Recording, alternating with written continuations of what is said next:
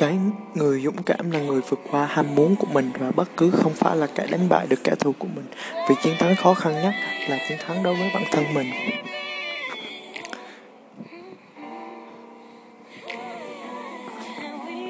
Chó biểu tượng của ý nghĩa có phải đến lúc bạn cần hiểu về tình yêu vô điều kiện phải không? Hoặc bạn cần sự hỗ trợ trong công việc mang tới trách nhiệm nơi làm việc tại nhà? vì vậy chú chó với vị trí là một linh thú vật tổ siêu thú để giúp bạn gái chó dạy chúng ta biết rằng lòng trung thành quan trọng như thế nào, cũng như vị thế của một cá nhân trong cả tập thể. Cùng tìm hiểu sâu hơn về ý nghĩa biểu tượng của con chó, ý nghĩa biểu tượng của chó. Khi chó lựa chọn những người hướng dẫn tinh thần thú, hay một sự trợ giúp, bạn có thể tin tưởng vào sự bảo vệ dũng cảm và tận tụy kiên định của chú chó ấy. Những giá trị này của chó có lẽ không có gì ngạc nhiên cả. Chó là loại động vật gắn bó sâu sắc với lâu với người đến mức không ai có thể nhớ được từ khi nào chó được huấn luyện trở thành thú cưng trong nhà như vậy nữa. Nhiều người tin rằng chó là một loài động vật có linh hồn và sẽ gặp lại linh hồn của người chủ của nó sau khi qua đời. Những Ai Cập cổ đại thường xuyên sử dụng biểu tượng chó thành phố Cơ được dịch ra nghĩa là dog. Trong thành phố, việc người dân chăm sóc cho những tất cả con chó một cách cẩn thận đã trở thành một điều hiển nhiên từ lâu. Họ cũng dùng hình tượng Dog Star Sirius vị trí của ngôi sao này trên bầu trời đã từng dự báo về trận lũ sông Nis vậy nên đối với nhiều người hình tượng chó là biểu tượng cho khả năng chó bạn nghiên cứu về thế giới cổ đại và cả hiện tượng thì thành chó còn gắn liền với việc sủa hơn là việc cắn. Những người đứng đầu trong Babylon và Assyria luôn nuôi chó và cho rằng chó có khả năng tâm linh về. Có thể nhìn thấy ma hoặc những nguy hiểm mà con người không thể nhận ra. Họ sử dụng khả năng thần bí này để bảo vệ chủ nhân mình. Đóng vai trò, chó đóng vai trò như người hướng dẫn, thậm chí là người kết nối trong thành với linh hồn của con người chó biểu tượng cho sự dũng cảm mạnh mẽ và cảnh giác ra, hình tượng đó luôn nhắc nhở bạn duy trì sự trung thực và trung thành của mình đối với tất cả các linh hồn đang chia sẻ cuộc sống với bạn, bao gồm cả con người và động vật. Nó cũng chắc bạn về mối quan hệ bản thân mình nữa. Bạn khó có thể là một người bạn tốt với người khác mà không phải là người bạn tốt với chính mình. Và vậy hãy nhớ một lời cảnh báo từ linh thú chó. Nếu chú chó liên tục cấu vé người vào người bạn, nó đang nhắc bạn rằng có lẽ bạn đang lạm dụng lòng tin và sự tận tâm một khía cạnh nào đó trong cuộc sống. Hãy để ý nhé.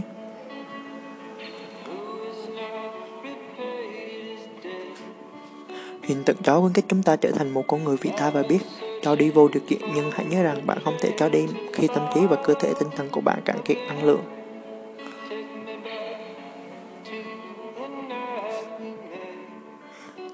Chó sủa xuất hiện trong giấc mơ cho thấy rắc rối có thể xảy ra đến với cảnh báo về sự phản bội từ một người gần gũi với bạn. Hình ảnh chú chó xuất hiện trong giấc mơ thường đại diện cho rằng bạn là một người trung thủ và rộng lượng trong cuộc sống còn nếu chó xuất hiện cùng với một chú chó con thì có thể khả năng nuôi dưỡng và chăm sóc bạn.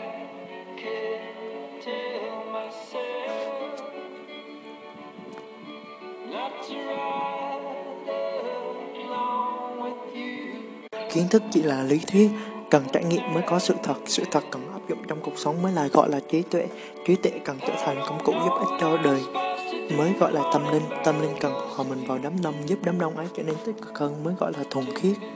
Một hạt giống phát triển không có âm thanh như một cây đổ là tiếng ồn lớn, phá hủy có tiếng ồn.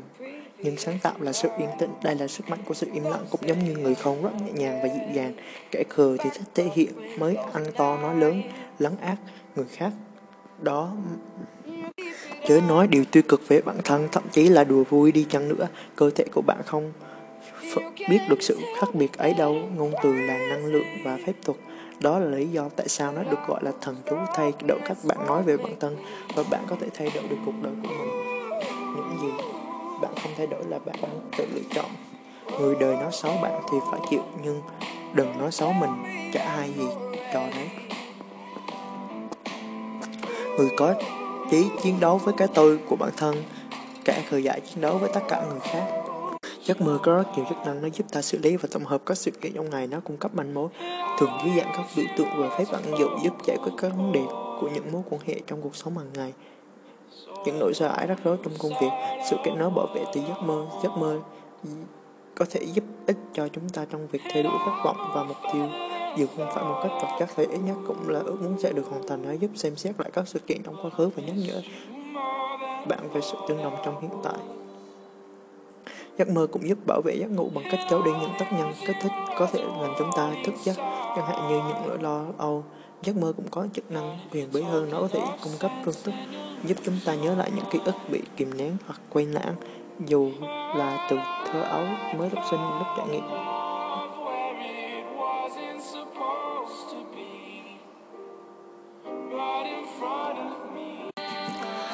Ăn thức ăn hữu cơ, bước quan trọng nhất có thể thực hiện là giảm cân nặng cơ thể và ăn thực phẩm hữu cơ. Nếu bạn không đủ khả năng để sử dụng tất cả các phẩm hữu cơ, ít nhất bạn nên sử dụng các loại phẩm thiết yếu như hàng ngày như thịt, rau, củ quả.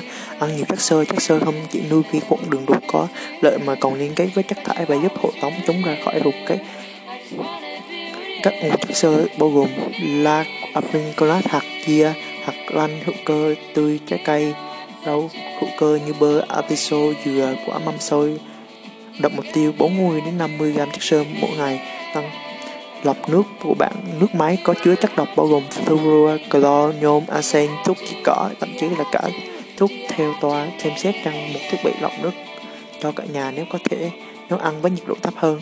Nướng đun nhỏ lửa xào nhẹ lục hoặc khắp thức ăn của bạn. Dụng thép không rỉ ga hoặc dụng cụ nấu bằng gốm chảo như không dính như Teflon có chứa BFOA một hóa chất độc hại gây hại sức khỏe hệ thống miễn dịch gan và tuyến giáp dụng hộp đựng thực phẩm bằng lưỡi thủy tinh. Giải độc cơ thể của bạn sử dụng các thực phẩm chăm sóc cơ thể không có hóa chất và mỹ phẩm làm việc. Vận động ra mồ hôi, sử dụng phòng tắm, hơi, hoặc tập thể dục có thể giúp làm sạch cơ thể và chất độc của gồm chì. Canem arsen, thủy ngân b giảm thiểu các thuốc men làm việc với bác sĩ. Bạn để giảm dần liều lượng và số lượng thuốc trải nghiệm những tác động gan túi mật bắt đầu với ngày mới với nước ấm và chanh giảm thiểu rượu và tăng cường hydrat hóa bằng nước tinh khiết và một giọt nước ép. Năm việc quốc hữu cơ không đường, ăn lại trái cây thực phẩm hữu cơ đậm đặc chất dinh dưỡng như rau xanh, lá đắng, ví dụ rau aloe, rau xanh, rau cải xanh, rau cải họ cải, ví dụ cải xoắn, bông cải xanh, lơ.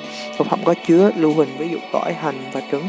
Các thực phẩm giàu axit amin giải độc gan giai đoạn hai liên kết và bài tiết ví dụ nước dùng xương cetalin hoặc collagen thịt. Thận giảm thiểu rượu và tiêu thụ protein dư thừa hydrate hóa, đầy đủ các chìa khóa để tối ưu hóa các bài tiết. Đại tràng ruột da. Da nghề đổ mồ hôi hàng ngày, sử dụng phòng tắm hơi ở phổi. Rồi việc sử dụng các phương pháp làm sạch không khí tập thở thở. Tập luyện thể dục thường xuyên detox nhà của bạn, hút bụi sàn nhà của bạn một trong những điều tốt nhất bạn có thể làm là giảm gánh nặng cơ thể là giữ sàn nhà không có bụi bẩn. Bụi bẩn là bao tử nấm mốc, làm sạch không khí trong nhà của bạn, sử dụng các sản phẩm làm sạch không độc hại kiểm tra và loại bỏ các nguồn nấm mốc để giày ở cửa, giảm thiểu tiếp xúc điện từ, đặt thiết bị điện tử của bạn, chế độ máy bay khi không sử dụng, xem xét tắt wifi vào ban đêm, sử dụng tai nghe có dây điện, trên điện thoại di động của bạn và giữ điện thoại cách xa cơ thể bạn.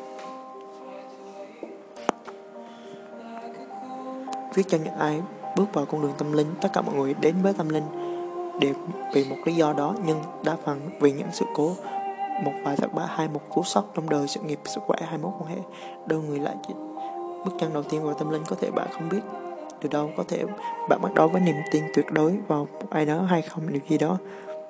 Thời gian ban đầu nếu không tìm thấy ai để hỗ trợ trên con đường tâm linh hãy đi tìm hãy đi một mình, không ai đồng hành với người chưa trưởng thành cả.